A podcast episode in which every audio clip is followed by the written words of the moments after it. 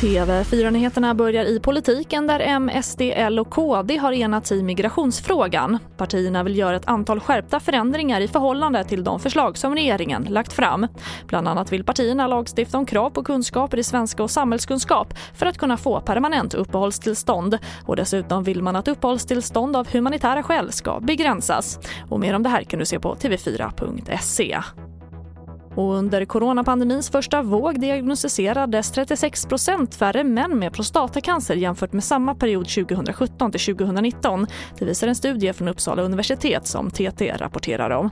Och störst skillnad sågs hos män över 75 år. Och orsaken tros vara att äldre personer följt Folkhälsomyndighetens råd om att minimera sina sociala kontakter och att avstå från icke-akut vård.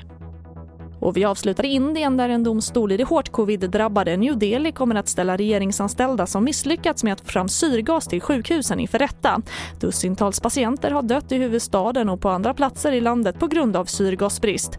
Det råder också brist på generatorer, respiratorer och mediciner. Och det var det senaste med TV4 Nyheterna. Jag heter Charlotte Hemgren.